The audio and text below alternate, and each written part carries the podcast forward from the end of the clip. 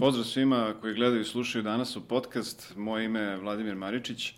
U ovoj epizodi uh, govorit ćemo o zdravoj ishrani kao modelu uh, za zdrav život i kvalitetniji život generalno.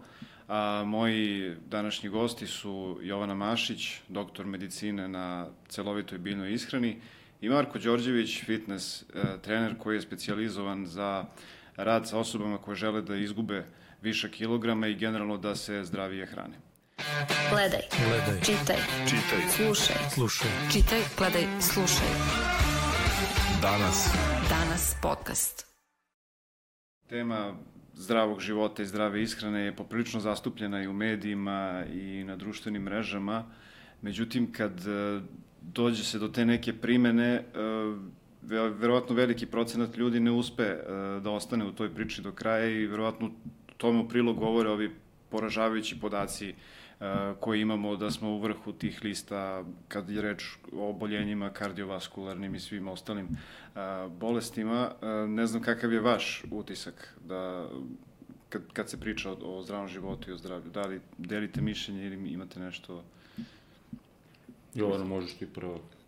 E, mislim da se menja stanje. Uh -huh.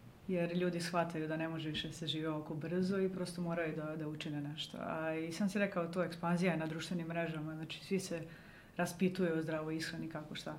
E sad tu je ono što ima raznih ishrana i što ljudi ne znaju na koju stranu da idu i šta da izaberu, šta je najbolje za njih. Ali mislim da generalno menja se stanje i da će, da će biti sve bolje. Jer ljudi shvataju, ono, upravo što si pomenuo kardiovaskularne bolesti, to je e, svuda u svetu, pa i kod nas, jer mi spadamo u razvijenu zemlju. U razvijenim zemljama je to upravo problem. Svaki drugi, odnosno treći čovjek umire od srčanih bolesti. Da. Da, to, To je strašno. A što je najgore, može da se spreči. Znači, može da se spreči zdravim načinom života. Da, da se ne čeka onaj konačni trenutak e, da moraš da, da se obratiš lekarima za pomoć. Da, nije ni samo to problem ono kada čovjek ima srčani udar, pa ode u hitnu, nego je problem što nekada i u većini broja slučajeva prvi simptom je smrt. Znači, Da. ne da te, ono, da doživiš srčani udar pa da ideš u bolnicu, nego prosto samo to. Dobro, evo za gledalce, naši slušalce koji su manje, koji manje poznaju tvoj lik i delo, a, možeš da nam kažeš a, koji je tvoj lično trenutak bio u životu kada si a, shvatila da treba nešto da promeniš u stilu života i da se malo zdravije hraniš i živiš? Bila sam peta godina medicinskog fakulteta i imali smo hirurgiju, odnosno bili smo na ortopediji. I imali smo nekog pacijenta, ko, pacijentkinju, koja je čekala operaciju gradnje veštačkog kuka, a je kao mala imala operaciju kuka, isto kao i ja. I ja sam onda pomislila, ako je ona tu, verovatno ću i ja za par godina. Tipa mlada je žena, oko 40 godina ima. I meni je ono samo prošlo kroz glavu, kad, tad niko mi ništa nije ranije rekao, ja sam imala kao mala operaciju kuka i niko mi nije rekao da ću ja kasnije u životu morati verovatno da ugradim veštački kuk jer brže strada hrskavice i tako dalje. I ja sam onda tu počela se raspitujem da li ja mogu ishranom nešto da riješim. A ono što je najporažavajuće jeste da svaki lekar kome sam prišla da ga pitam, e, rekao mi je ne, ne, ne, tu ishrana nema veze sa tim. Znači, tako je kako je. Završit ćeš na operaciji. I onda smo imali na šestoj godini higijenu predmet gde se jedino, znači šest godina medicinskog fakulteta, samo tih, ja mislim da je osam časova, priča se o ishrani. I to je poražavajuća činjenica da se da lekari tako malo uče o ishrani i onda sam se tu zainteresovala za ishranu. E sad kasnije istraživanje moje otišlo u ovom smeru Daleko, gde, da. čime se danas bavimo, to je biljna ishrana, ono što promoviš. A, Marko, kakva je, kakva, je tvoja, kakva je tvoje iskustvo? Ti u tvojoj biografiji piše da si specijalizovan i za rad sa ljudima koji se bave kancelarijskim poslom i to je nekako, hajde da kažemo, nešto što obuzi, obuzima u poslednje vreme e, poprilično ovaj, veliki broj ljudi ima problema sa tim jer radimo te jeli, sedeće poslove, Ovo, evo ja prvi, mislim, pitanje je samo trenutka kada ću imati problema sa leđima i tim stvarima. A, Ovaj, ka- kada si ti ovaj, o- shvatio da treba nešto da promeniš, zapravo šta sam teo da kažem, e, u biografiji imaš da si bio i mršav, pa bucmast, Tako, tako. da si varirao. Znači, kao što si rekao, bio sam mršav, počeo sam priču razvoja fizičkog jeli, tela, u tom smislu da jeli, dobijem mišiće, kao i većina muškaraca u tom nekom periodu, pogotovo u pubertetu. Čak sam i tu naišao na lekare koji pre svega nisu dobro poznavali ni sam princip ishrane, ja nisam išao sa suplementacijom, znači, a, pogotovo ne u tim nekim ranim fazama svojih početaka, ali a, recimo moj razvoj je a, kao i kod svakoga, jeli, menjala mi se fizionomija, menjalo se telo, a, krenule su strije, mm -hmm. počeo sam da se razvijam, tako da je čak a, savet lekara bio da se prestane sa fizičkom aktivnošću ovaj, zbog, zbog tih stvari koje se dešavaju. -hmm. Tako da, ajde da kažemo, bavio sam se košarkom, rano sam krenuo, bio sam mršav oko 70 kg na ovu visinu 187, onda mi je bila težnja da se ugojim. Kada sam došao do povrede uh, kuka koju sam zadubio na ragbi utakmici, onda sam naravno zbog ležanja promenio, jeli, totalno prvo nivo fizičke aktivnosti, što sam uvideo kao gorući problem, jeli, U stvari, kada sam imao problem mm -hmm. da ne mogu da dobijem na kilaž, ja sam jeo, mm -hmm. što se tiče količine hrane, naravno tada nisam toliko dobro poznavao materiju u smislu šta treba jesti, jako sam se informisao, mm -hmm. ali su i tada informacije bile šture, nije bilo toliko informacija do kojih se moglo doći, jer pričamo o 90-im, jeli, kada je izvor informacija bio od usta do usta, od nekih starijih vežbača ili putem neke literature kao što je atletska gimnastika iz 70. godina, gde se spominje dosta dobrih stvari, ovaj, ali jednostavno ne dovoljno. Tako da, ovaj, pa tek kad sam stao, prosti što te prekinem, tek kad sam stao sa fizičkom aktivnošću, prvi put kad sam prestao aktivno sa košarkom, došlo je do, jeli, do obijanja na toj masi. Imao sam sreću da se nisam gojio samo, ajde da kažem, u predelu stomaka i tako dobio sam onako popriličnu masu na svim delovima tela Pa onda kada sam ponovo ušao kroz ragbi u fizičku aktivnost, opet sam se negde doveo u red. E onda kada je fizička aktivnost totalno stala zbog iščešenja kuka, jeli gde sam šest meseci proveo na štakama, onda je naravno to još eskaliralo. Nastavio sam da unosim količinu kalorija kao kada sam bio aktivan, a aktivnost se smanjila, tako da sam u tom nekom periodu uvideo koliko u stvari ta fizička aktivnost doprinela tome da ja možda i uz tu ishranu ne dobijam na kilaži, već održavam neku mišnu masu, bio sam prilično i vaskularan i mišićav i snažan, ali jednostavno ni, nisam uspeo da ovaj. Tako da eto, rano su počeli neka interesovanja mm -hmm. i mhm. čitanje, jeli, i saznanje edukacija. A, da, hteo sam, da pomenuo sam malo pre ovaj kancelarijski posao i inače, a, pa hteo sam malo da popričam s vama da li ovaj, da li to je sad već i mit, da je skupo živeti zdravo, da je skupo da su to jeli kao na zdrave namirnice skupe, da je teško do njih doći, da je priprema tih zdravih obroka a, nešto što nije u skladu sa sadašnjim tempom života. Ovaj, ja se neretko suočavam sa tim da ono, ili, ili preskačem obroke ili nisam dobro promislio šta ću doručkovati.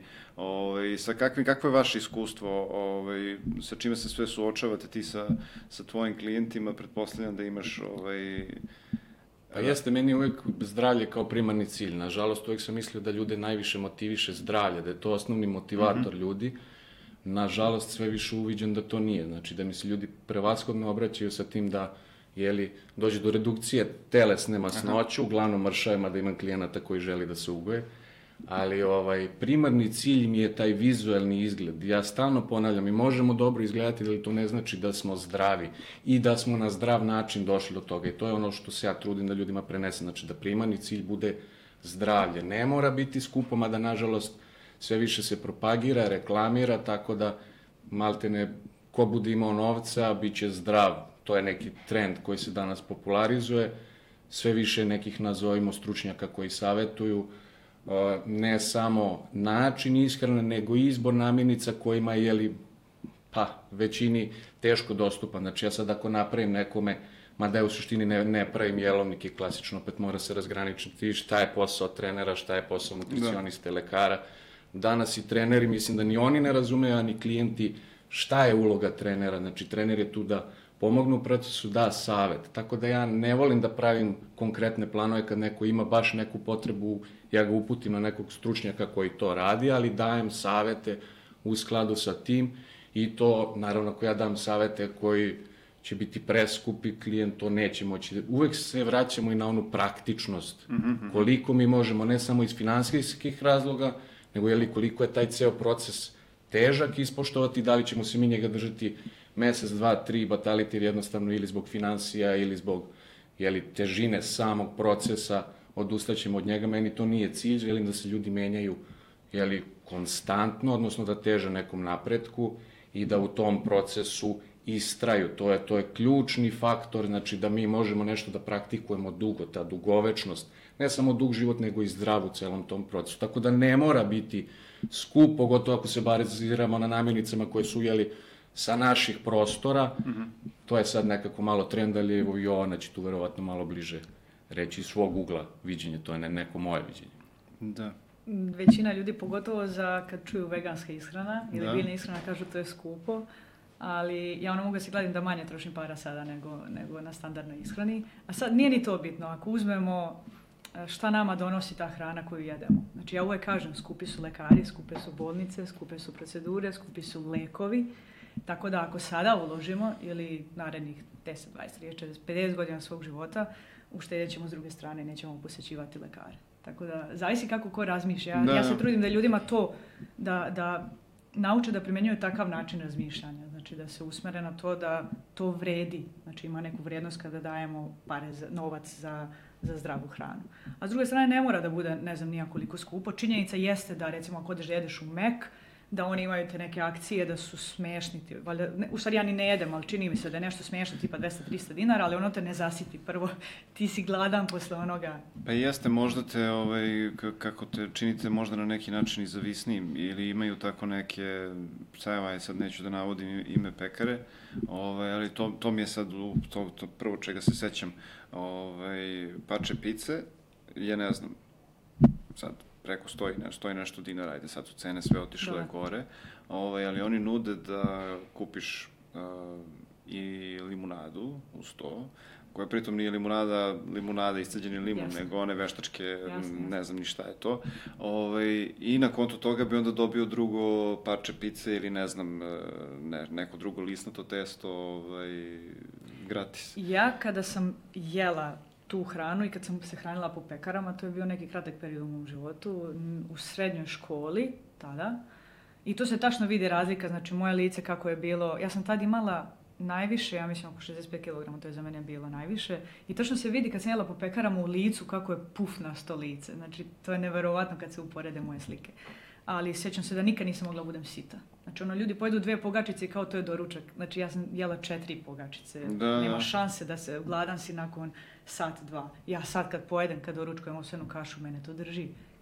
Ako napravim kalorijski koliko je meni dovoljno. Ona dovezat ću se ja, znači, generalno, ali to se kao i neko pravilo, zdrava ishrana je, jeli, lošijeg ukusa, duže se žvaće, znači moramo se navići na takav vid ishrane.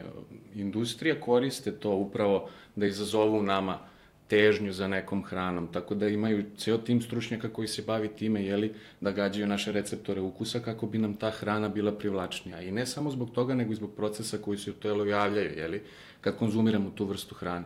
Kada smo pod stresom, visok je nivo kortizola, jeli, ne želimo da nemamo težnju baš da jedemo zelenu salatu ili šta ti ja znam brokoli, nego obično neke slatkiše. Da, zato što nivo adrenalina će oboriti taj nivo kortizola, jeli lepše ćemo se osjećati. Tako da ja stalno pominjem da je hrana, odnosno e, taj gojaznost sve veći problem da se hrana mora posmatrati danas kao porok, zato što nama izaziva određena osjećanja poput droge, poput alkohola, tako da ne beže svi u alkoholizam ili konzumiranje nekih drugih substanci, već upravo kroz hranu gledaju da reše te svoje. Tako da nije to problem samo, uh, ajde da kažemo, mora se uključiti neki psiholog u celu priču.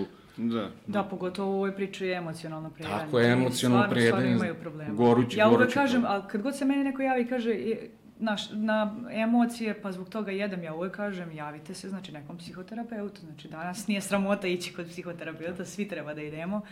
Ovaj, i, treba da se javi, znači stručnom licu. Neću ja da radim, sa, ja, ja se ne bavim time. Da, to je da. ono što je, što je lepo rekao Marko na početku. Svako tako. svoj deo posla. Danas tako. je postalo, svi znaju sve. Ne može, znači ja neću, ja nisam fitness trener, ja neću ljudima kažem idi radi te vežbe. Ne ideš da, kod da. trenera. Znači ja znam šta radim, ja uh, radim s ljudima koji hoće da pređu na biljnu ishranu ili 90% biljnu ishranu, 100% kako god hoće. I ja sam tu da im kažem, da im dam smjernice, sve neophodne smjernice, jer zaista može da se pogreši ako ljudi rade pogrešno. Ovaj. Ajde da se zadržimo tu. Ovaj, kakav je profil ljudi koji ti se javljaju? Mislim, jesu, on, jesu li to ljudi koji su u nekom problemu ili i oni sad možda na to gledaju negde kao trend ili su te zapazili na mrežama ili kako to... U ovaj, većini otprilike- slučajeva da, to su autoimune bolesti, Hashimoto, insulinska rezistencija koja je, znači ja mislim da svaka druga devojka ima insulinsku rezistenciju. Mhm. Baš, baš je problem. A problem je što to insulinska rezistencija nije problem što ti nju sad imaš, nego što će da pređe u diabetes. Znači u jednom trenutku će to da pređe u diabe- diabetes tipa 2. Tako da takvi ljudi mi se javljaju i obično su probali neku vrstu drugu ishrane. Evo sad radim s devojkom koja je bila na keto ishrani i njoj je bilo super tipa prvih mesec, dva ili koliko već i onda više nije, nije mogla. I uglavnom to čujem. Znači meni je cilj, nije mi cilj, ti, ti možeš rešiti problem sa više ishrana. Da, da. Znači, to je definitivno, to ja to ne Tako, poričem. Znači, ti možeš da budeš na bilo kojoj ishrani da rešiš problem. To su ti one, oni anegdotalni prikazi. Ali pošto sam ja ja neko ko se bavi naukom, meni je važno da, bu, da je nešto dugoročno održivo. Ako nije dugoročno održivo, nije zdravo za nas.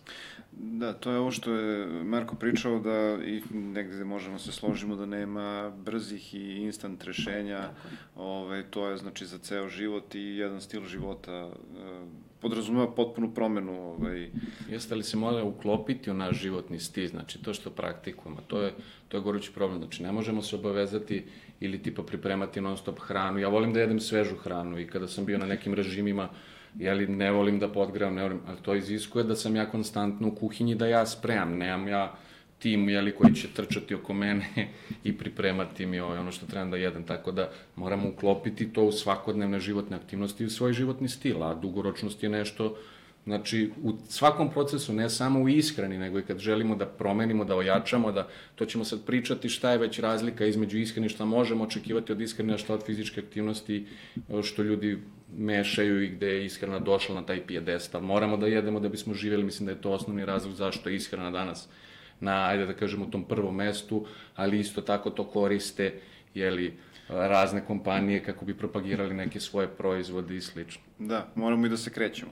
To je... Moramo da se krećemo, nekad smo bili uslovljeni time, znači fizička aktivnost od postanka čovečanstva jer je bila je naša potreba. Danas je sve veća potreba, ne iz, nekad je bila potreba da uberemo voćku, da zasadimo, znači morali smo da se krećemo da bismo bili živi, da pobegnemo, jeli, da se popnemo na Da, drvo. da.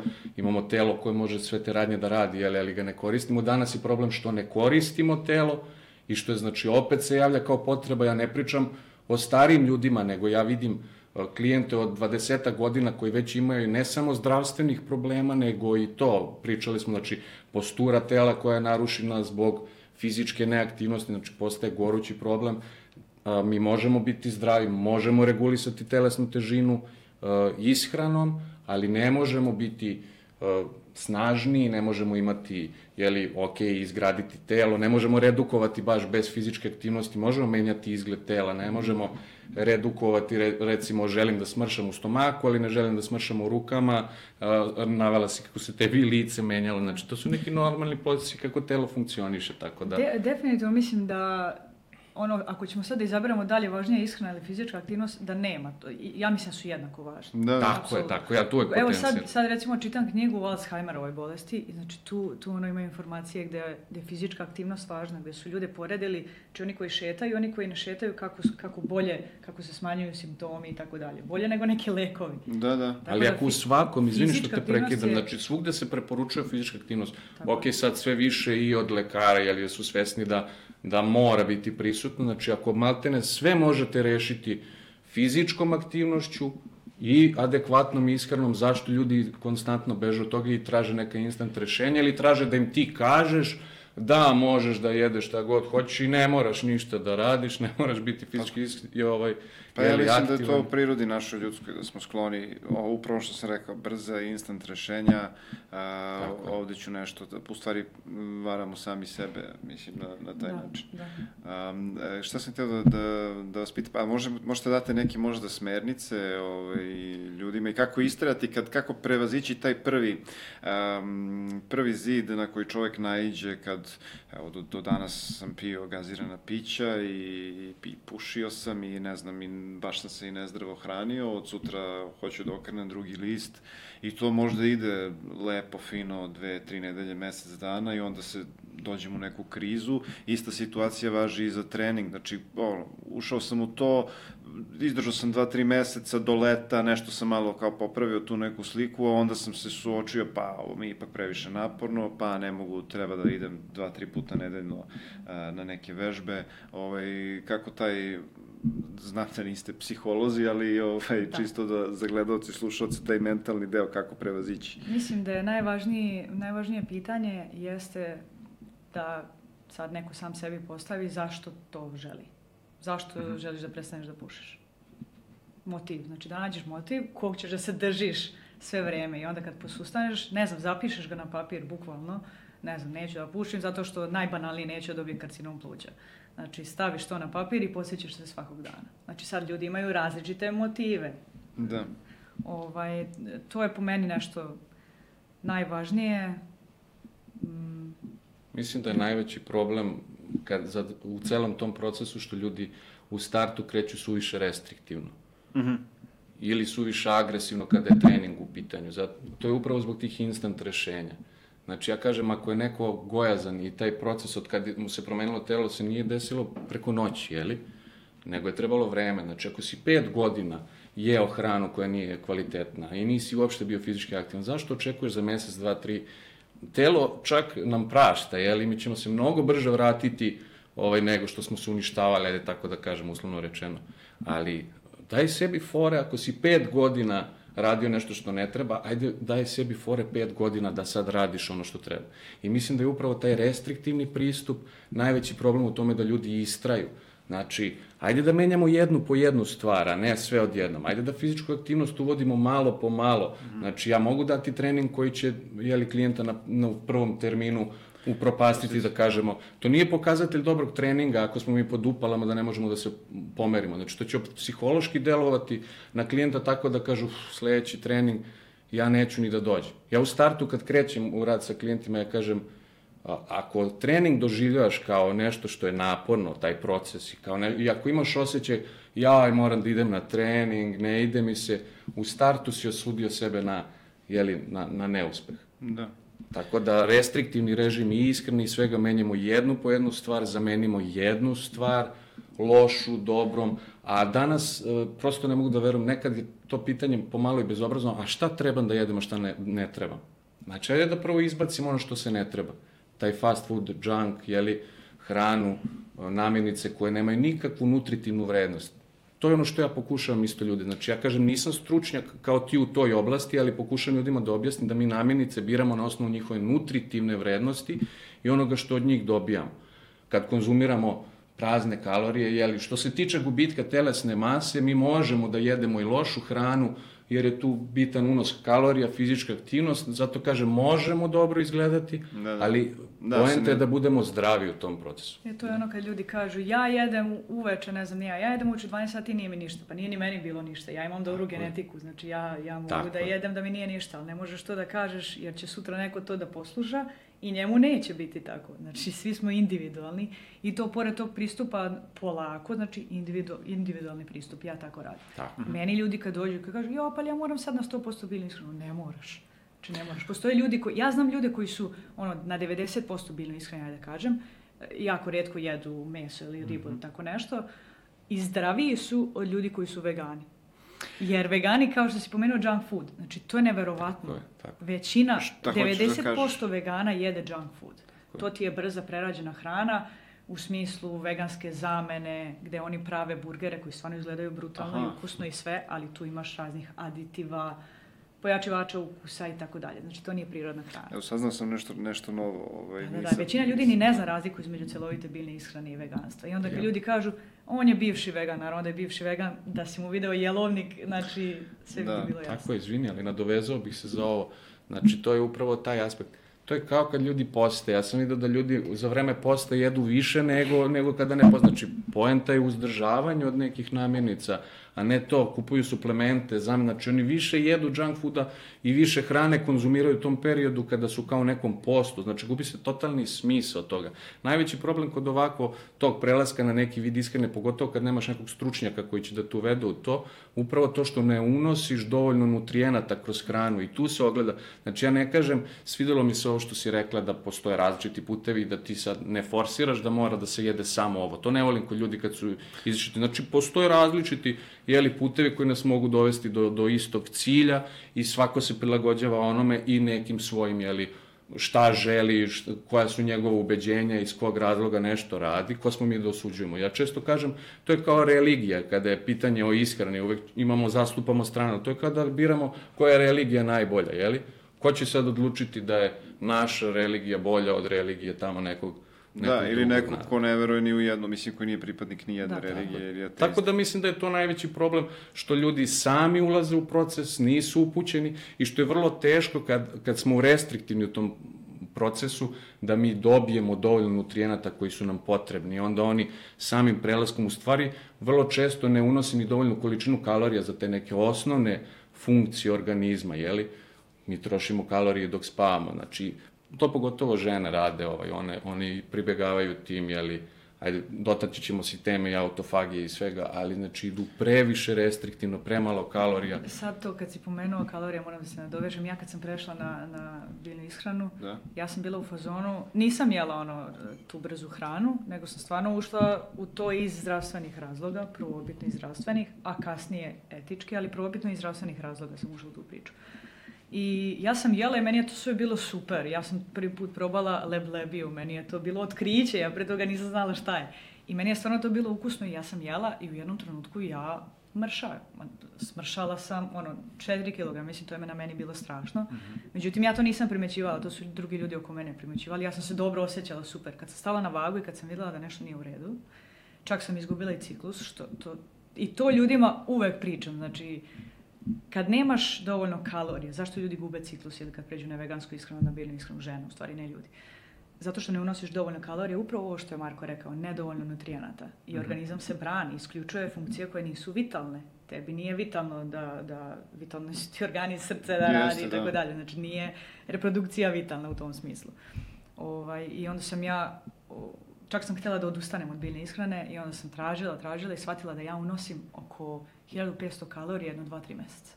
Znači, šta je to za organizam? Pogotovo za mene, ja sam imala oko 58 kg, meni je to 54 kg na meni, ja se toga sjećam kao juče da je bilo, prije pet i pol godina. I ovaj, to se često dešava ne samo na, na biljnoj ishrani, nego vjerojatno i ovako kad žene krenu u te neke, neke baš restriktivne stvari. I ja uvek kažem ljudima ne morate da idete toliko restriktivno. Pa telo se adaptira, znači to je, to je ono što mi želimo da izazovemo u telu, mi ga provociramo i ishranom i fizičkom aktivnošću, znači prilagođavanje tela na to što mu mi zadajemo, jeli, jeste upravo ta promena kojom telo menja se, da bi se prilagodilo. Znači, kad uvodimo fizičku aktivnost, ali ako stalno radimo jedno te isto i telo se adaptira. Mi želimo adaptaciju, ali ne da se telo adaptira, nego da stalno provociramo.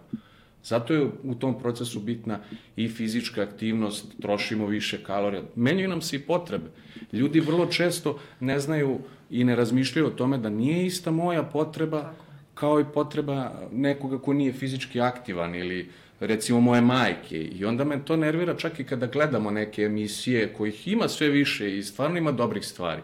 Ovaj, govori se uopšteno I onda to ljudi prihvataju u tom obliku. Čekaj, to je ta individualnost, individualni pristup. Pa nemamo svi iste potrebe i nemamo svi iste ciljeve.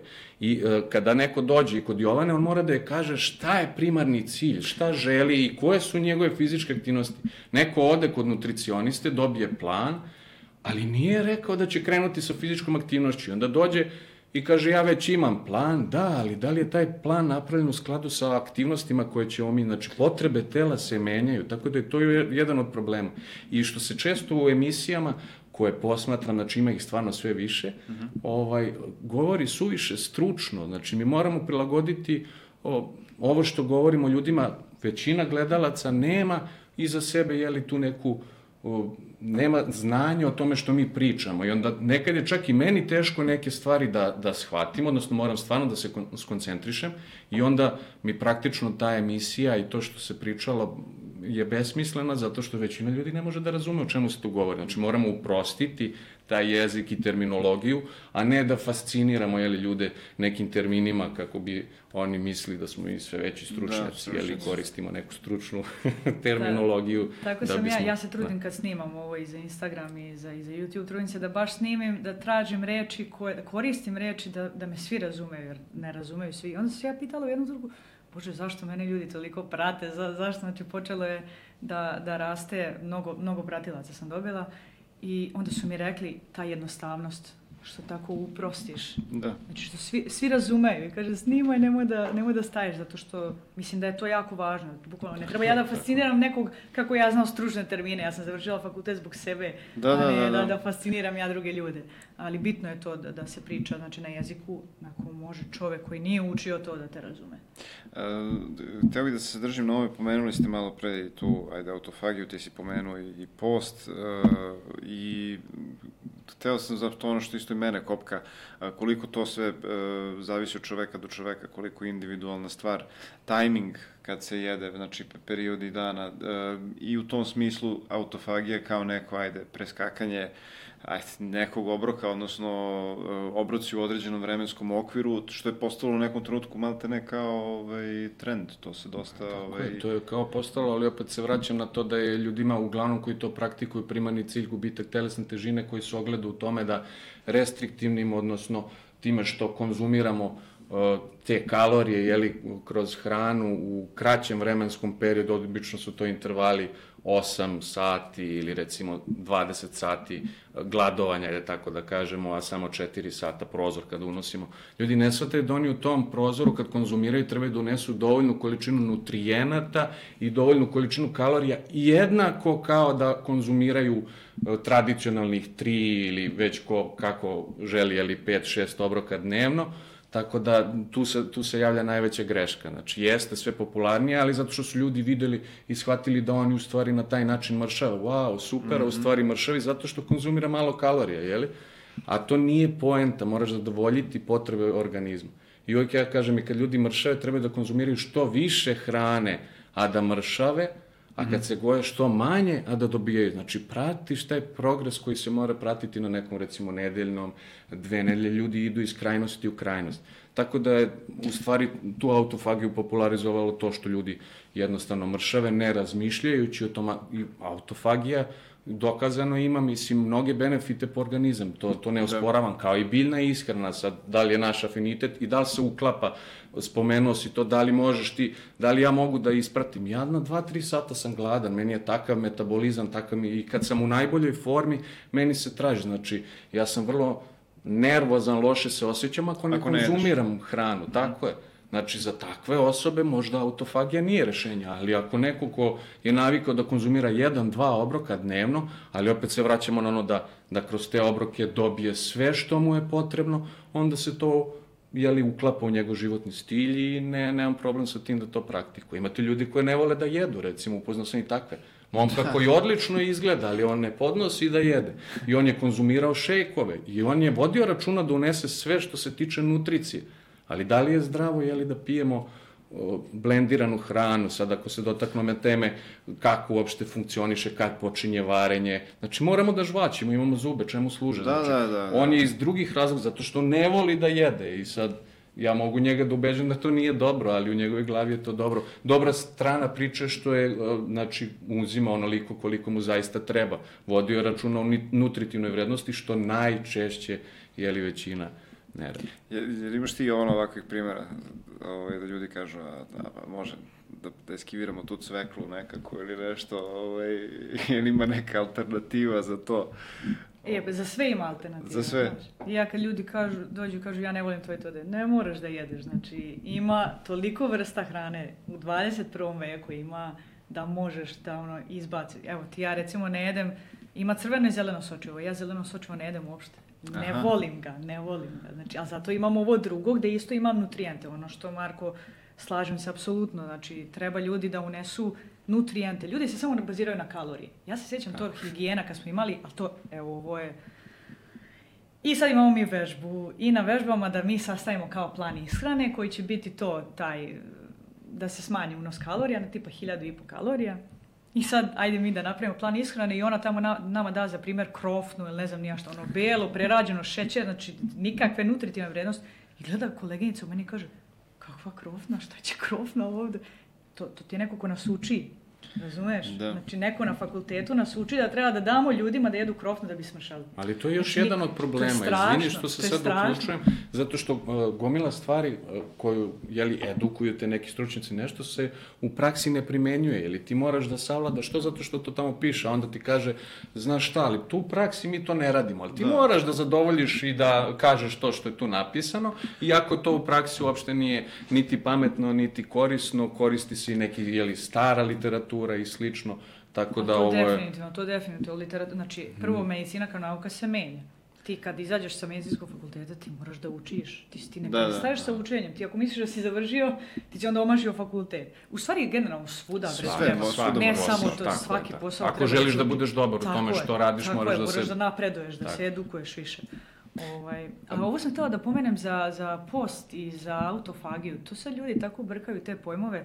Recimo, eh, ajde da razgraničimo odmah. Kad kažemo post na vodi u Srbiji, to se znači jedu se testa iz pekare, ta, samo ono da nema ulja i da nema namirnice životinskog porekla. To je upravo ona veganska ishrana koja ti pričam da, je, da možda bude očajna.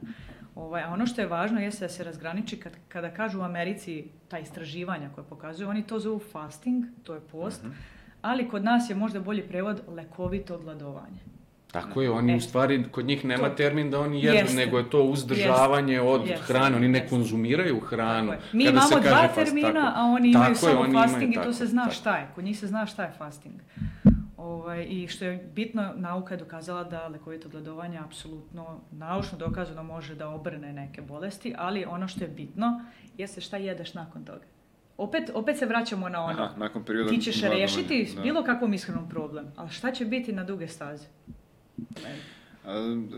Pomenula si ti učbenike i ovo, ajde, ali nije, ne, ne verujem ni da u novim učbenicima piše da treba deci u vrtiću davati grickalice, pa nekako imam utisak, ja nemam decu, ali vidim po prijateljima i po poznanicima da ovaj, je to nekako ono, postala pojava. A ja se toga ne sjećam kad sam išao u vrtić i meni je, na primjer, zašto sam i voleo vrtić, možda iz nekog razloga, zvučat će ovo čudno, ali svaki dan je, na primjer, za ručak bila supa. Ovaj, to je meni nešto ostalo ovaj, u sećanju i bilo mi je to, voleo sam to. Ovaj, I nekako su ti obrazci, ajde, u ishrani su bili drugačiji. A mislim da se i to sada ovaj, menja i neretko čujem da, ne znam, vaspitačice ovaj, daju deci neke grickalice i nešto pustim. Pa Ne znam, supruga mi je vaspitačica, tako Da? da, ovaj, a imam dete. Nije to baš toliko zastupljeno do te mere u vrtićima, ali da, izbor namirnice. Ja kad sam išao u vrtić, konzumirali smo, jeli, i viršle i neke namaze. Danas se malo više čak pažnje možda posvećuju u tom smislu, bar iz ovoga što čujem od supruge, da se ti namazi prave, znači to nije kupovna pašteta, znači ipak se donekle vodi računa, ali opet se vraćamo na na budžet, jeli, koliko taj, ja pričam o državnim vrtićima, Jasno, a što jasno. se tiče pr privatnih vrtića, tu zaista ne znam, možda tamo angažuju stručnjake ili šta ti ja znam koji će praviti jelovnike, nisam siguran, ne znam, kada pričamo o državnim institucijama, ovaj, pitanje je i budžeta. Vraćamo se na pitanje da li mi možemo taj budžet da uklopimo da to zaista bude dobro i, i kvalitetno, verovatno da do neke mere možemo, do neke ne možemo, ali mislim da je budžet ono što, što, što određuje. diktira Pa diktira, tako je. Sad da ima tu nekih fabričkih e, prerađevina i tako, mislim da nije do te mere zastupljeno, osim dobro ako sad vaspitači na svoju ruku nešto ne daju, jer u suštini i sam vid dužine da, bude nekad neki keks, ali je uglavnom neko voće u periodu voćke, kada voće da. ima i voće koje je sa naših Sa našeg pon- tako. A, mislim da to za vrtiće je zavisi od vrtića do vrtića. Da, Da, ne da. spremaju svi isto. A evo sad zanimljivo, bila sam na Malti, tamo je zabranjeno da, da detetu pošalješ, pošto oni, oni nemaju, roditelji šalju i spremaju obroke, Znači Aha. nema vrtić e, Organizovanu nego- službu koja ne, se da, time nego bavi, da. roditelji spremaju i kaže zabranjeno im je da unesu recimo kobasice i viršli i tako te stvari. Mislim da je Jamie Oliver jednom radio, koliko se sjećam, mislim da je On on, je za radio. šećer, ono, tako da si izbaci. Jeste, i za šećer, Ali nije ali je ra- pa nije uspeo, ali je radio i na tome da se, u, mislim da su bile u pitanju škole, kao osnovna škola, ti obroci koji se dobijaju u kantini, da je on te upravo u okviru budžeta da dokaže da se može sa budžetom sa kojim se raspolaže konzumirati zdrav us, ovaj, obrok, ali mislim Da, da, da, da, da, taj vidiš projekat recimo šta je meni zanimljivo, ti kad odeš u Afriku tamo i kad vidiš šta oni jedu, oni su jako siromašni. Da. Znači oni jedu upravo biljke. Znači Da, oni da. jedu, ne jedu ono fancy. Kod nas, kad dođe čovjek kaže skupo je, pa normalno ako jedeš avokado svaki dan, čovječe, Da naravno će da će ti biti skupo i ja ga ne jedem svaki dan. Pasulj, pasulj je jeftiniji, Jeste, sve a- mahunarke su jeftinije i od mesa i od svega drugog. A daju ono što ti Sve, organizmu znači to je, potrebno. to je glavna hrana. Znači mahunarke na koju god da, da smo ishrani, to je nešto što treba se jedi. Znači, Dobra naj- kombinacija namirnica, izvini, ovo što ti propagiraš, znači bitna je dobra kombinacija namirnica da bismo Tako je. dobili... Moraš, e, u suštini moraš, Moraš. da, ne moraš da misliš obsesivno o svakom obroku, ali bitno je da u toku dana uneseš sve što je. Tako je, tako je, tako. To je, to je važno. Da, ali tu se opet vraćamo na ono individualno. Znači, E Sad ti si spomenuo bio pitanje vezano za tajming. Ja mislim da sad i tu ljudi preteruju malo kada razmišljaju o tome. Jer, recimo, ja ne radim sa sportistima, niti me interesuje rad sa, sa profesionalnim sportistima gde, gde je ono svaki segment bitan. je jako bitan, da, da, za Tako je, vrhunske tako da rezultate. mislim da danas se ljudi previše, da, naravno da je tajming bitan, ali ne u toj meri koliko se ljudi opterećuju, što im opet stvara jeli, iluziju da je taj proces težak. Da, neki prosti hidrati nakon treninga, kad nam treba nešto što će telo brže apsorbovati, da, nećemo konzumirati pre spavanja, jeli, kad ulazimo u neko stanje mirovanja, hranu tešku koja se teško vari, znači to su neke osnove, zato se i trudim da uvijek ljudima dam neke osnove o makronutrijentima, čisto da imaju predstavu šta je koja namirnica i šta kada, ali opet mislim da se ljudi previše opterećuju pre-workout, intra-workout, post-workout, znači Aha, tim obrocima šta treba da- Tako je, suviše, suviše se opterećuju, a bitno je da na dnevnom nivou nećemo mi ući u katabolizam toliko brzo koliko ljudi misle. Nećemo potrošiti rezerve glikogena tako brzo kako ljudi misle. Pričamo o običnom čoveku, ne pričamo o sportistima gde, gde je taj tajming mnogo bitniji. Tako da mislim da više trebaju da se baziraju upravo u to, da na dnevnom nivou se trude da unesu ono što im je potrebno, da oko treninga ako imaju fizičku aktivnost povesti malo računa, ali, ali ne robovati time. Ja često kažem da ljudi danas i kada radimo nešto što je dobro, to ako preterujemo u tome, znači to više nije dobro za nas. Ja to objašnjam ljudima. Znači, nećemo robiti, neću nositi baš ta prvarčinju ako odem. Hrana je, jeli, deo socijalnog, društvenog života. Generalno, naše društvo je takvo da je hrana prisutna jeli u svakom slavlju i čini neki deo neke naše tradicije. Znači, ne trebamo se totalno isključivati iz toga i reći ne sad, pa onda čak izbegavati društvo, neću otići tamo jer tamo ću biti jeli, u iskušenju da pojedemo ovo ono. Znači, ako vodimo računa, pa tih 90% recimo da se trudimo da ispoštujemo ono što bi trebalo, tih 10% što nije malo u iskakanju, što ćemo pojesti ovde na nekom druženju ili nešto, neće nam učiniti nešto loše. Jeli kao i alkohol, ako popijemo malu količinu, ne, neće nam biti Da, ništa. to je ona veze. latinska po- poslovica kako dozi svenum facit, količina čini otrov, to je ovaj, znači sve što u nekoj I opet meri- individualni pristup, ne reagujemo svi isto, ne prerađujemo svi isto, nemamo svi isti metabolizam, znači to je taj individualni pristup, jednostavno možda će na mene male količine nečega uticati mnogo više nego na Jovanu, tebe i slično, znači mora se videti šta, gde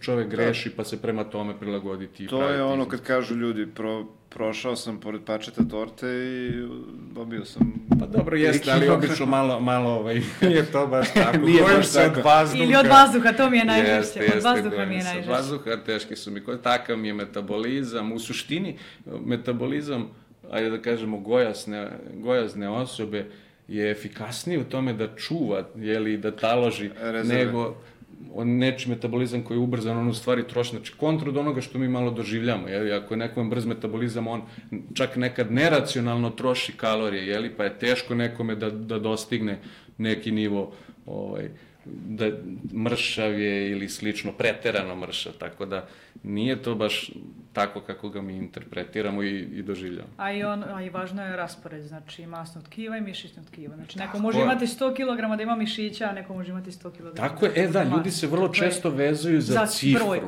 i za brojku. Jeste. Pogotovo su žene sklone tome i onda ja objasnim, da, ajde pogledaj se u ogledalo, pogledaj garderobu, znači nemoj gledati cifru, ali njih toliko fascinira ta cifra koju pokaže vaga da jednostavno ne možeš sve da im da im promeniš. I onda tek kad dobiju neke pozitivne jeli, komentare od okoline i kad se malo onda kažu da vidi, ovaj, kilaža mi se recimo nije promenila, ali konstitucija tela jeste. Znači ne izgledam više tako, izgledam mnogo bolje, bolje se osjećam. To je ono čemu težimo, ali danas, zato se sad i sve više tih reklama bazira na tome izgubite ovoliko kilogram. Pa svako ko ti precizno kaže da ćeš izgubiti toliko i toliko za određeni period, po meni je prevarant. Kako da. ja mogu da predvidim? Da. Mislim, postoje neke norme, otprilike ono što, bi treba, što mi možemo da očekujemo i šta su realna očekivanja i opet sa aspekta zdrave ishrane, zdravog pristupa svemu.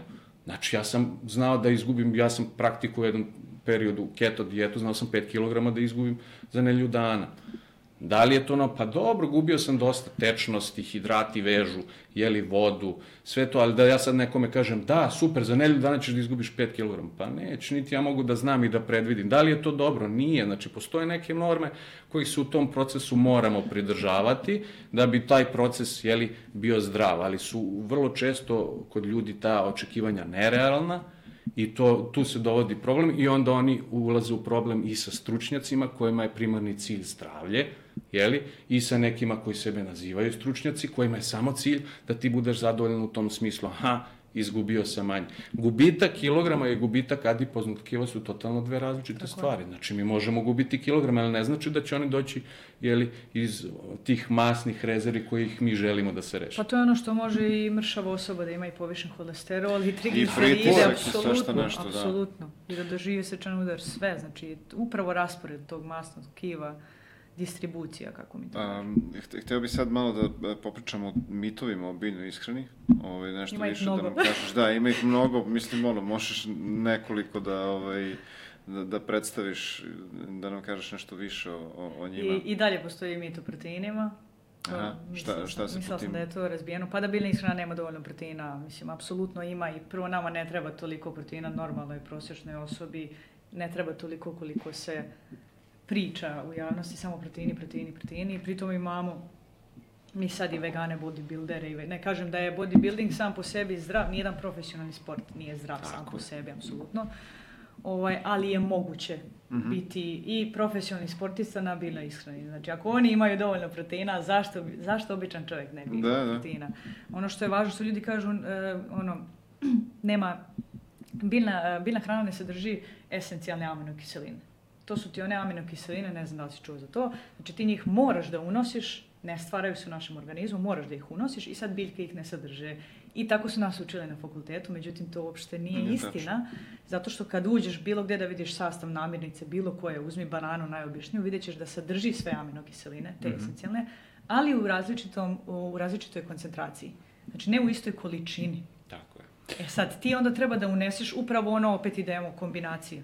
To je najveći problem koji ja vidim u tome, a uglavnom kad ljudi ne rade sa nekim stručnim, ja sam da pređem na takvu vid ishrane, bez konsultacije sa nekim stručnjakom, upravo ne bih mogao jer ne bih yes, znao ne bih kako šta, da šta, šta, šta sve treba ja sad da jedem. da provedem ili par godina izučavajući je, svaku jest, namirnicu jest, i uvideti aha, ovo je dobro da jedem, da esencijalne ovaj, aminokiseline se stalno spominju, baš zbog toj, tih razlika u količini kojih ima De, u hrani. Definitivno postoji, nema šta, znači da, meso da. sadrži mnogo više Tako. tih esenci, u mnogo većem procentu aha. i mnogo jednako zastupljeno više, znači ima ih 8-9 esencijalnih aminokiselina. Prostije ih je zadovoljiti. Recimo, da, da, ali vidiš, uh, ono što je zanimljivo, slušala sam neko predavanje od nekog plant-based lekara i Kaže, ako jedeš brokoli ceo dan, mislim, nerealno je da jedeš 6 kg brokolija da bi zadovoljio 2000 kalorija, ali ako ga jedeš ceo dan samo brokoli, šta misliš koliko ćeš uneti proteina?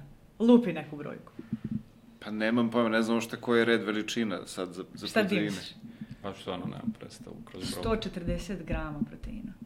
Da. Je li to Te, mnogo ili malo? Da, tebi treba prosječnoj pa osobi treba da. oko 50 grama proteina. 0,8 grama. Ali se opet vraćamo na funkcije, normalne funkcije organizma, jeste, kada jeste. nije cilj izgradnja mišićne mase, tako opet je, se vraćamo na to kada potrošnja nije velika. Ja pričam znači, ovde, znači o običnim prosječnoj to, to uvek osobi. moramo da razgraničimo, to je ono što ja kažem da je vrlo često ne razgraničimo. O kome govorimo, o kojoj grupi? Da, da, ako je to osoba koja ono, sedi 8 sati i ne ide, daj sad kažem. 50-60 grama, tako. Da. To su neke potrebe koje To su nešto za organizam sasvim. Naravno, sad za izgradnju i ide to. Znači, koliko su ono rekli maksimalno, sad ne znam da su oko 1,6 grama. Pa to je stalno ja diskutabilno. mislim da je do 1,6, da preko Ali 2 kada se- je studije pokazuju da nije. stručnjake, st- kad kažem stručnjake, mislim recimo na ljude, pogotovo iz sveta bodybuildinga. Ono što ljudi ne razumeju jeste da je primarni cilj promene ljudskog tela, odnosno izgleda, jedini sport koji se time bavi jeste bodybuilding. Sad što uh, su oni, ajde da kažem, u posljednje vreme uh, je taj gigantizam, jeli, i bigoreksija sve zastupljenija, pa je to izazvati ne, u, u očima gledaoca neko divljenje i nešto, kao cirkus, bukvalno je postalo cirkus, ne samo izgled, nego i treninzi i pristupi svemu, znači izazvati, privući što veću pažnju. Ali osnovni cilj bodybuildinga jeste bilo zdravo, funkcionalno telo Evo, i da. lepo oblikovano, simetrično i to je nešto što se totalno izokrenulo. I tu se u količini proteina koja se savetuje su velike razlike, a evidentno je da studije nisu nikad rađene na tako velikim količinama proteina. Pa ćete vidjeti da se savetuje po 3-4 grama po kilogramu telesne težine. Ono što bih ja opet spomenuo, a ti možda pratiš te se stručnja, oni uvek kažu telesne težine. Na koju telesnu težinu se misli?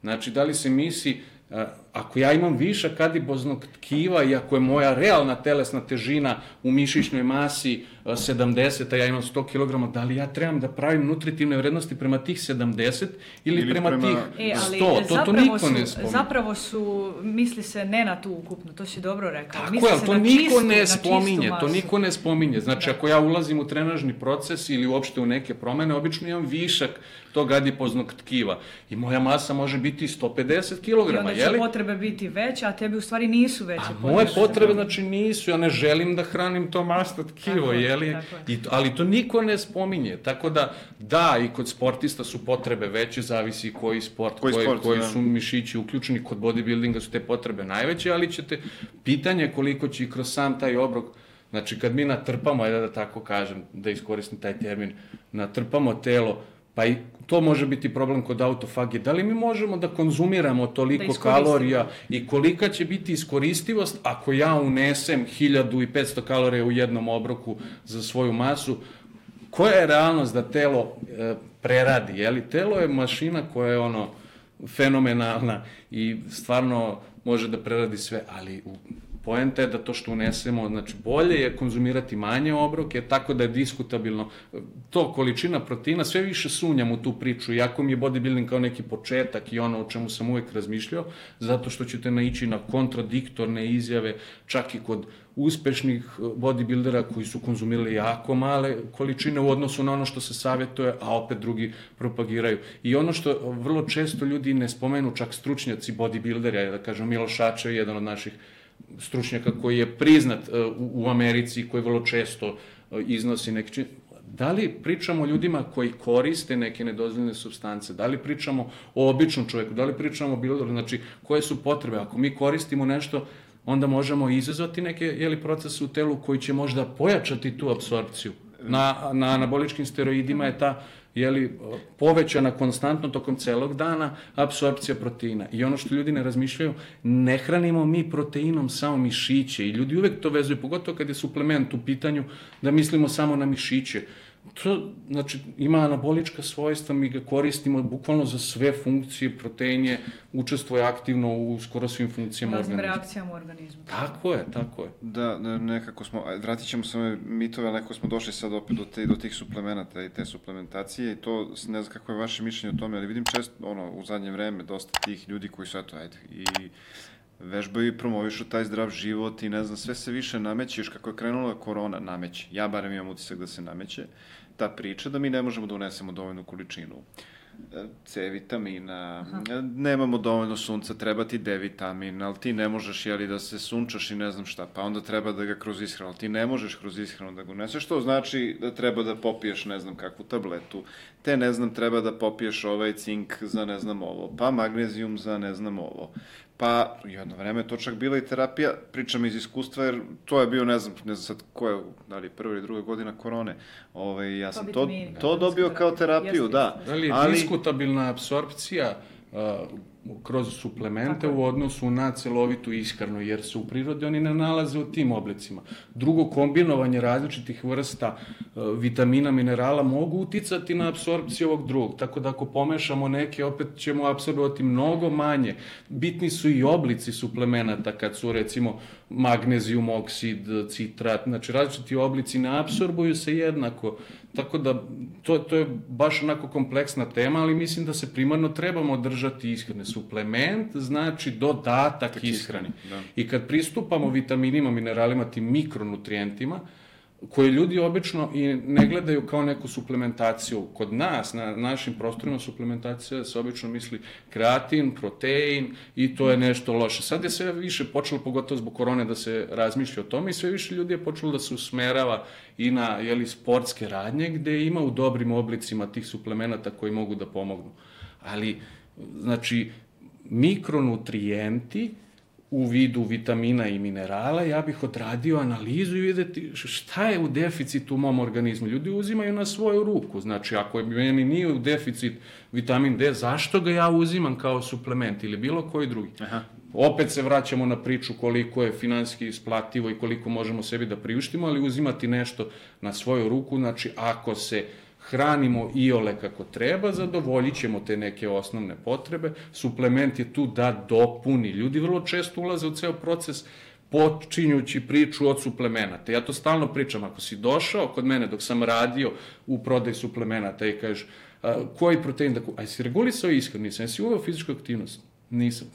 Idi kući, pa kad ceo taj proces dođe, kad vidimo gde si, onda znači ti nisi napravio ni jednu promenu, To je kao da sam napravio garažu i nerviram se, pravim garažu i trošim novac, a nemam ni vozačku dozvolu, nemam ni auto, ali ja pravim garažu. Znači, nemojmo kretati, to je suplement i dodatak ishrani i ok, uh, i opet vraćamo se na to, nije samo protein, kreatin, znači, kako ljudi vezuju i kako i dalje imaju tu averziju prema, prema suplementima, nego su to i mikronutrijenti i sve više imate suplemenata koji pomažu u regeneraciji nekih jeli, mm -hmm. tkiva putem, kao što su kolagen, kao što je, recimo ja sam tasta vodio jeli, u radnju sa sportskim suplementima zato što ima problema sa hrskavicom i to.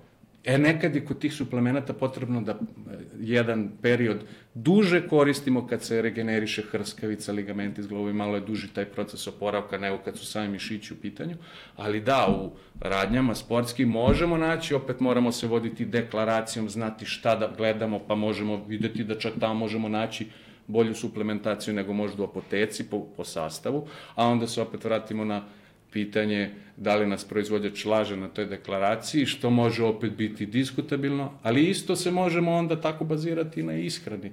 I kad se pravi tablica nutritivnih vrednosti hrane, uzimaju se neke središnje vrednosti, znači ta odstupanja takođe mogu biti ovaj prilično velika, kao što i zrelost voća utiče, jeli, na količinu šećera u tom voću, kao što je skladištenje, da li je svež krompir ili je krompir stajao mesec, dva, tri, znači mnogo faktora sa kojima ja ne želim da se ljudi opterećuju. Da, pogotovo što nismo svi ni vrhunski pa sportisti. Tako je, to je suviše nekim... komplikovano. Mislim da se danas, moj e, pristup je simplifikacija trenažnog procesa i e, nekog zdravog načina i iskreno, znači uprostiti ljudima, nemojte se samarati, tako i za tajming. Da, bitan je, vodi se nekim osnovnim pravilima, ali nemoj robovati time Znači, ako angažuješ stručnjaka i želiš da pređeš nešto, onda da, posavetuj se sa njim da vidiš šta i kako da bi sebi olakšao proces. Tako isto u trenažnom procesu svako može videti, danas je dostupno videti vežbe, skineš,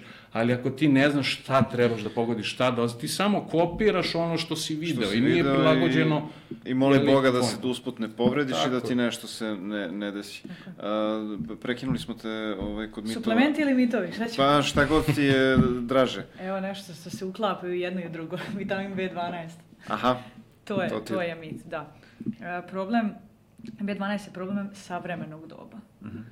Znači nije problem uopšte vegana i tipa posle 50. godine svi treba da ga suplementiramo. I ne znam da li ste videli ili čuli ili od vaših babe, dede ili ko već ako imate nekog starijeg, kada odu kod neurologa ili kad imaju problema sa demencijom, oni se vrate sa, daju im neurolozi vitamin B12. Znači to, to je jako često, jako često propisuje vitamin B12 njima. e, za upravo zbog istog razloga. Nama posle 50. godine slabi ta apsorpcija. E sad, zašto je to tako priroda napravila? Prvo, produžio se životni vek, mi nismo živeli toliko dugo pre, znači sada, nismo da. živeli ono do 100 godina, sad je 80, 80 godina lagano do, doživiš.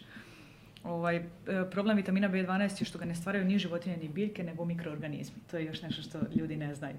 E, kada izvučeš argarepu iz zemlje, ona prljavština, tu Da. imaš mikroorganizama i tu je vitamin B12. Međutim, mi to sad sve peremo, to se Da, nije da, da, pralo da, da, pre. da. I isto još jedan izvor, iz, e, izvorska voda. Znači, niko ne pije danas izvorsku vodu. Da. Znači, odeš na planinu, piješ vodu, tamo ima B12, jer nije hlorisano. Znači, Tako je, kad je- hlorišeš, ubiješ bakterije, ubiješ mikroorganizme i nema B12. To je razlog zašto se danas preporučuje suplementacija. Bilo ko ko je na većinski biljnoj ishrani treba da suplementira. Čak i vegetarijanci imaju problem, jer nema dovoljno u jajima, mleku, to studije pokazuju. Čak i peskaterijanci koji jedu ribu i oni imaju problem sa B12. Mhm. Znači, većina ljudi danas bi trebalo da suplementira B12. I to je ono što ja ljudima kažem, da obavezno, ne mora odmah imamo mi neke zalihe od 3 do 5 godina, ali e, ozbiljne posljedice mogu da budu ako se ne unosi. Mhm. Ozbiljne. To je nešto što je must have. Znači, mora na, na biljnoj ishrani i na većinski biljnoj ishrani. E sad, ovo što se tiče vitamina D, i tu je sad opet problem savremeno doba. Leti, verovatno većina ljudi može, ali ti ako sediš ceo dan u kancelariji, odakle tebi vitamin D? Ne, da, nema Nemaš ga. Ne, kao što ga. vidi iz, ga, priloženog. znači, evo meni ljudi dolaze na svaku konsultaciju na koju su mi došli, niko nije imao normalan nivo vitamina D. Niko. Da. To je opet problem savremenog doba. Mi smo pre išli po Africi, trčali, goli imali po evoluciji, ako Da, da, da, da. Znači, mi smo imali dovoljno vitamina D. I kad odeš tamo, kad se radi istraživanja, ne znam, na Zanzibaru, Afrika, taj deo, oni imaju, ni- oni imaju oko 130 je ta neka mera, kod nas ti je 75 donja granica. Donja A većina granica. ljudi ima ono 20, 30, 50, ja sam imala tipa 60. Ja, to sam radila zimi. I onda sam počela da suplementiram samo zimi, a leti ne suplementiram jer ono izlazi na Da suncu, da, u da sam, da. krećeš, da. A sad, ono, mislim da to opet svako treba testira za sebe. Da uradi Pa tu je. Bukvalno da uradi, jer vitamin D mora da se, on može, njega možeš da preteraš. Čak ako ga imaš dovoljno, a e, suplementiraš previše, može da se taloži da napravi problem. A to je opet, treba stručnjak da te posavete. Jest, tako Koji je. su hidrosolubilni, liposolubilni, Jest. znači opet ne, nećemo uzimati nešto na svoju ruku. Ne. Tako. Ali kad govorite to, znači te analize o kojima pričate su neke posebne ili analize radite? Činjenica jesu i skuplje, vitamin D je tipa oko 2000.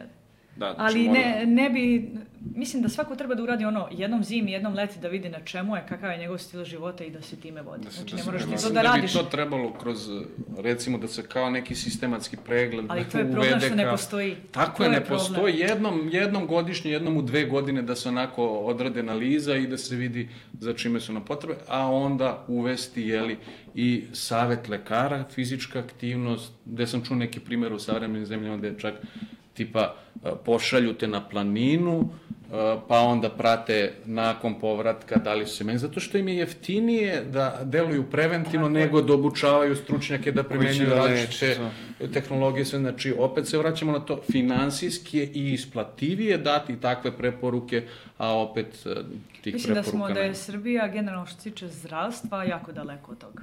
Jako Da. daleko. Mi kasnimo za svijetom ono u prosjeku 15 godina. U, u samom zdravstvu. tom, u zdravstvu, U zdravstvu generalno. pogotovo, ja sam bila u zdravstvu i to su... Ja sam izašla iz toga jer sam vidjela da tu ne mogu da promenim ništa. Znači, koliko god ja pokušavala, ne mogu, to je sistem Da, koji sistem ti koji je- kao pojedinac ne možeš. Ti možeš da izađeš iz njega, bar je to moje mišljenje, i da radiš ovako na nekoj drugoj strani i da menjaš na taj način. Znači, unutra, koliko god da sam se borila, to, to je strašno. Prvo što ti, recimo, ja sam radila u hitnoj. Da. Najgore se hrane ljudi koji rade u hitnoj. To je ironija. Ljudi koji gledaju Koji najgore drugim moguće, ljudima, da. najgora moguća hrana. Kad kažem najgore, to su ne beli hleb, najgore prerađevine, znači što može salame, šunke, niti voća, niti povrća, ničeg. A da, evo sad nevezano toliko od ove teme, ali opet jako vezano. Zašto to rade? Da, tvoja neka e, lični utisak, e, šta misliš, njima bilo previše jednostavno posao je možda takav posao kao posao vatrogasca. Mislim, mora biti spreman, pretpostavljam, da brzo reaguje u nekom Da, ali trenutku. generalno mislim da su to sve izgovori. Mislim da mi kao ljudi, kao vrsta, pravimo mnogo izgovora. Ali mislim da nam je to dovelo savremeno doba. Ti pre nisi mogao da praviš takve izgovore kad si živeo prirodno. Da, da, Što da. ti je što ti je, nas je industrija uništila. uništile. Upravo što smo pričali, zavisnost, dopamin, to, ta, tako ti funkcioniše zavisnost.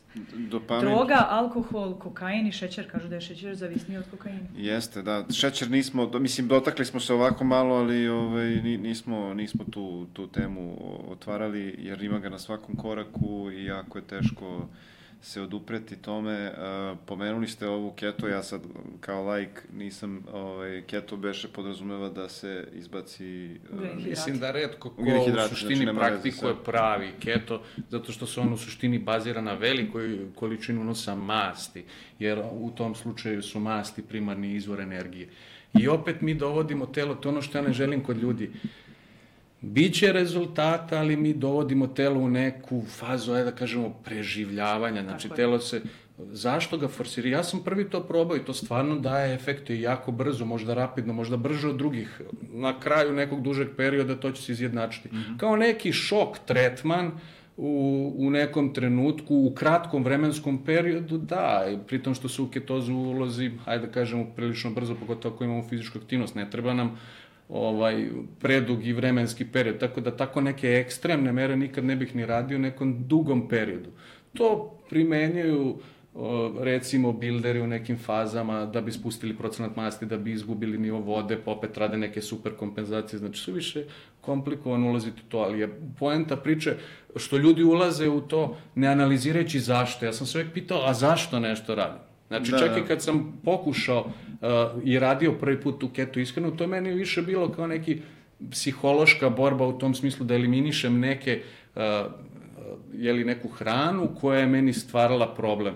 Sa jedne strane je dobro zato što se ljudi upoznaju sa makronutrijentima, šta je izvor proteina, šta je izvor masti. Znači to je dobro kod tih restriktivnih režima gde ti počinješ da shvataš onda i kad uđeš u prodavnicu e, uvijek nam je lakše da biramo ako imamo da biramo između dve, tri namirnice ili dva, tri proizvoda nego između 500. Znači ako to doživimo u tom procesu na taj način bit će nam lakše. Ali primarni izvor energije su ugljeni hidrati.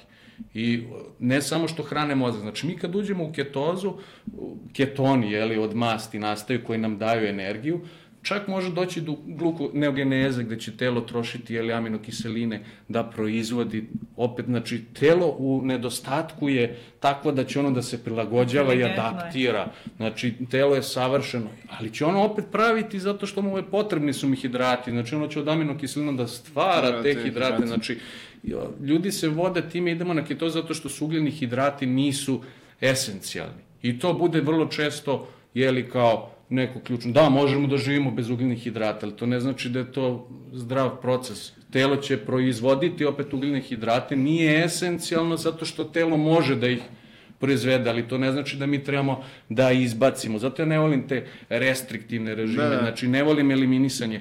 To mi je često problem i kod biljne ishrane kada totalno izbacimo recimo upotrebu. Ograničiti da, ali to je sad već pravac da li neko želi, to. Ne kažem, niti osporavam da daje rezultate, da je odlično za zdravlje i slično, malo teže možda za praktikovati, ali ako se uklapa u naš životni cilj. E sad opet se vraćam, ketozu redko ko drži, tu je visok unos jeli, masti, a ne toliki ovaj visok unos e, proteina, a ljudi su obično na nekom previsokom unosu proteina, što opet ih može izbaciti to, iz tog stanja e, ketoze e, kad, kada su na tim režimima. Keto ishrana je zapravo probila se na tržište, da tako kažem. Osmišljena je da bi se lečila epilepsija. Aha. to je ono što je, ljudi tako, ne znaju. Tako. Aha, aha. Čak i kod nekako kancera provalili- mozga, mislim da su... Jeste, da ali to preko- nije- nije to- nije to toliko se sad- utvrđeno, ali jeste. kod epilepsije... Ovo, ali je. šta je, šta je problem? Deca koja su koja imaju tu epilepsiju, na koje ne reaguju na neke lekove, to jest na dva ili tri leka, primetili su kada ih stave u ketozu da stvarno se smanjuju drastično simptomi. E sad šta je ono problem? Opet dugoročnost. Kad su videli da ta deca nakon godinu dana imaju mnoge deficite u smislu mikronutrijenata, onda su rekli ovo ipak ne možemo da primenjujemo. E sad, što su usput videli da se gubi telesna težina, pa su... Pa kako možeš da primenjuješ nešto što je na totalno drugu... Znači, osmišljena je da bi lečila epilepsiju, a ovamo je mi primenjujemo da bismo smršali. Baš zato što brzi Pa to je kao dijeta, kaže, ide na predoperativnu dijetu i kao mršavim, na, ali čekaj, predoperativna dijeta, znači ime ti kaže da je to namenjeno, jeli, za nešto specifično. Zašto to praktikuješ u svakodnevnom Jest, životu? jest. Znači, ljudi takve stvari rade, opet se vraćamo na zato što im je primarni cilj taj fizički izgled i koliko sam ja uvek bio šokiran, jer sam stvarno verovao u to kao zdravlje, jer mnogo ljudi ti se obrati upravo iz razloga što im lekar kaže moraš da budeš fizički aktivan, moraš da povedeš računa o ishrani, oni opet im to nije dovoljan motiv i kratko se pridržavaju toga i vrlo često se vrate na, na ono staro. Znači, i zdravlje kod starijih osoba, ono što sam ja primetio, oni se malo više fokusirani na to, kod ovih mladih generacija su to uvek ta neka brza, instant rešenja. E, ako se probudi svest kod ljudi da, da, da to može ovaj, i za mlade, onda, onda mislim da smo na pravom putu.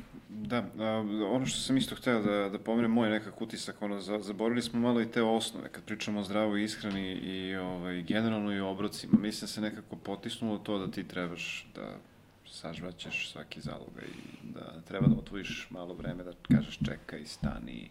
Ja često upadnem u tu, ovaj, ne često, ali upadnem makar jednu mesečno ili, ajde, sad ja i preterujem, ali če, često jedem ono nad kompjuterom ili nad telefonom ili nešto tako, ili ono trpaj, juri tamo nešto, mislim to koliko ljudi greše samim tim i, i voda, pričam zašto ne bismo pomenuli i unos vode, mislim ljudi očigledno ne unose dovoljno vode, ali kad reše da unose tečnost, opet se maše za neko gazirano piće, za nešto slatko, za, za ono što onda opet je šećer i kako već. Ljudi nisu ni svesni koliko je voda bitna u suštini, ne samo kao to sad kao propagiramo pa da hidrira telo, nego i opet učestvuje, jeli, imamo je u ogromnom procentu u našem Ono, telu. 70% I smo voda. tako je, i zaista ljudi, a to sam opet primetio kod, kod žena nekako, su mi žene tu podložnije tome da manje konzumiraju vode, krenuši od svog bliskog okruženja. I vrlo je teško promeniti tu svest kod ljudi da mora jednostavno oni se uvijek to ograde izgovorima. Ne mogu, meni ne prije i slično, ali da zaista male količine, ako na dnevnom nivou unesu litar vode, pričamo o vodi, ne o tečnosti kao što je kafa, čaj koji opet mogu biti diu- diuretici, jeli? Dobro, da ne ispadne da generalizujem i da targetiramo žene, ovaj... Ne, ne, da, hoćeš da kažeš nekako da su... specifično da, da se... Pričaš toliko- iz svog iskustva, Iz mislim. svog iskustva, Da, da, sad- tako je, zato, zato, zato gledam u Jovanovo, iz svog iskustva nekako, sad ne znam koliko ona radi sa, sa ženama i muškarcima, koliko su podjednako zastupljene ove grupe kod nje, ali nekako sam primetio i kažem opet iz svog okruženja, krenuši od svoje majke, sestre i slično, primetio sam e, već od ranije da zaista malo tečnosti konzumiraju. Sad, zašto je to razlog? nekako trebamo slušati svoje telo, ali opet se vraćamo na ono, moramo zadovoljiti neke osnovne potrebe organizma, kako za ovim makro i mikronutrijentima, tako, tako i za vodu. Kaže, za svaku čašu vode bubreg kaže hvala. I mi ne treba da pijemo ono tek kad smo žedni. To ti je već, Već je kraj. dehidrirao, Da, da, da, da. da. da. Ima ona fora kada popiješ tečnost i odeš nakon pola sata odmah u WC, znači da si hidriran dobro. Ako, ne, ako popiješ ono dve čaše sad vode i ne odeš narednih 3-4 sata u WC, znači da ti je Da organizam dehidrirao. Da. Da. Ali ono neka preporuka je ono, zavisi sad opet individualno, to su neke dve litre vode. To, to niko ne pije, mislim Tako da to da, da. 99% ljudi To su neke minimalne, da kažemo i više, ali kad im kažeš 2 litra, već im je to... Hoću da Ali ne, ima, ima 2 ljudi koji kažu, ja, ja pijem mnogo tečnosti, a oni u stvari nemaju predstavu da oni ne piju toliko tečnosti. Samo stavi flašu, onu litru i vidi koliko ćeš je popiti ili dve flaše. ali isto i kod hrane, vrlo često, zato kažu gojim se od vazduha i slično, zato Da. što nisi svestan i onda kad im ti kažeš, ok, napiši mi nedelju dana šta si jeo i u kojoj količini, ne samo šta si jeo, jeo sam jaja, pa si pojeo jedno ili Tako pet je, ili... Tako je. A, pa to je ono što sam ja što sam primetio i uhvatio sam neki britanski reality gde su pratili ove ljude Pritom, ti ljudi nisu bili toliko ni gojazni, ali su ušli u tu neku vrstu eksperimenta, ovaj, čisto da ih isprate št- koje su te njihove, stavili su skrivene kamere u auto, u, u kuhinju, na poslu tamo gde su kancelarije. Onda se ispostavi da ljudi ovaj, pre ručka svrate ono, u dva restorana brze hrane ili ne znam, uzmu još nešto kao za užiru, neke gricklice i to kad, kad se sve sabere, sve ispadne ne znam koliko kalorija na dnevnom nivou. Nisi svestan toga. Da, nisi svestan da Zato si kad to staviš uneo. na papir, onda opet ne možeš da lažeš sebe. I opet kažem, nemoj lagati mene, ja nemam ništa. Ako se neko meni obratio i sad ne poštuje, opet kažem, to što će neko doći obično oko tri puta nedeljno na trening i što ćemo mi raditi sat vremena, to je jako malo u odnosu na ono vreme koje ti provodiš kod kuće. Znači, ajde da uvedemo tu fizičku aktivnost i mimo treninga i da ispoštujemo te, ja to zovem domaći zadatak. A zašto ne radiš domaći zadatak? Znači, vodi računa i van ovih sat vremena, jer tih 3-4 sata nedeljno koje provedemo za, zajedno neće promeniti jeli, Da. sve ono ostalo vreme. To, to si dobro rekao. Uopšte nije dovoljno ni to tri, tri Tako sata. je, Znači, tako. tri puta. To su neki tri minimumi, to su, Znači to su ti po, po Govoriš o fizičkoj preporukama, aktivnosti, da, tako? po preku- preporukama ti treba svaki dan minimum 45 minuta da šetaš. Da. Bar šetnja. To je kao neka, Bar ajde, šetnja. srednje Da zahtevna li misliš da, da rade to ljudi? Da svakog dana šetaju po 45 minuta, minimum. A i tu ljudi nisu svesni u stvari kako i na uh, nivo, odnosno intenzitet tih fizičkih aktivnosti opet reaguje drugačije, organizam i troši drugačije izvore, tako da nije isto kojim intenzitetom i praktikujemo recimo tu kardioaktivnost za koju se ljudi vrlo često vežu kao nešto što im pomaže u gubitku. Pogotovo kad smo gojazni, ne razmišljamo o tome koliki to stres stvara na zgrobove, ligamente, znači neka šetnja tako niskim dumerenim intenzitetom je ono što je savet za svakoga i to ne možeš reći da nemaš vremena da tipa sat vremena dnevno Evo ti, ja, ja sam se sad parkirala dalje da bih previše prošetala. I došli si stepenicama na peti sprat. A šta, šta ima da se dođe liftom? Viš, nisam ni znala. A ti Ali- si Barko ali- došao, ne, ti si Barko ne, došao liftom. Ne, inače, inače praktikujem stvarno to i kad mi ljudi kažu ja kako, pa ja idem na posao kolima. Dobro, parkiraj kola tamo negde sa strane, prošetaj. Pa Neće, će. može, samo ta, izgovor Ali ta fizička aktivnost, recimo, ta svakodnevna, prošetati psa, izbegavati lift, Zato je dobro imati psa.